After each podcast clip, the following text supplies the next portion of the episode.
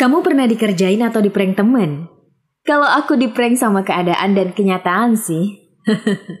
kadang lelah, kadang bikin ketawa.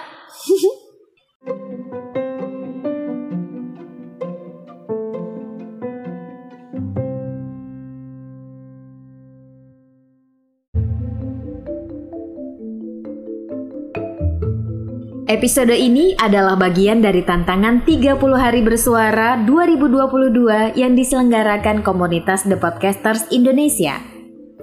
Kalau dengar kata prank kayaknya kesel tapi endingnya nyenengin ya. Biasanya sih dikasih hadiah atau kejutan yang bikin nangis. Tapi beda kalau di prank sama kenyataan hidup. Ya nggak sih?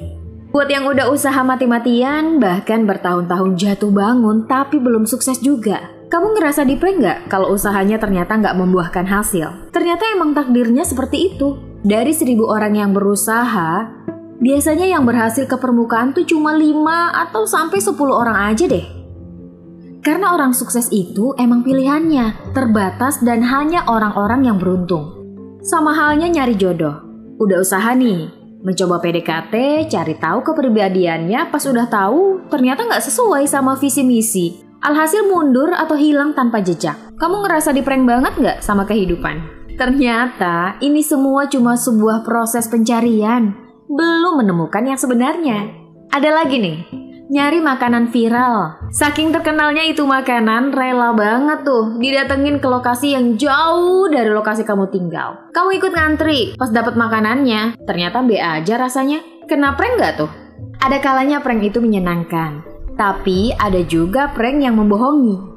Misalnya aja ngasih uang ratusan ribu sama pengemis jalanan, seniman jalanan, atau orang-orang yang dinilai kurang berkecukupan demi sebuah konten. Pas selesai syuting, uangnya dibalikin. Kalaupun dikasih, jumlahnya nggak sama dengan yang direkam pas bikin konten tadi.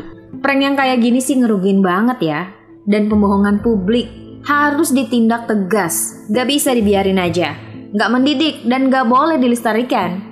Kreatif itu ada aturannya juga, gak sembarangan, gak semaunya aja. Intinya kena prank itu gak enak karena gak sesuai sama keinginan kita. Tapi udahannya selalu ada hikmah yang bisa dipelajari. Itu sih menurutku.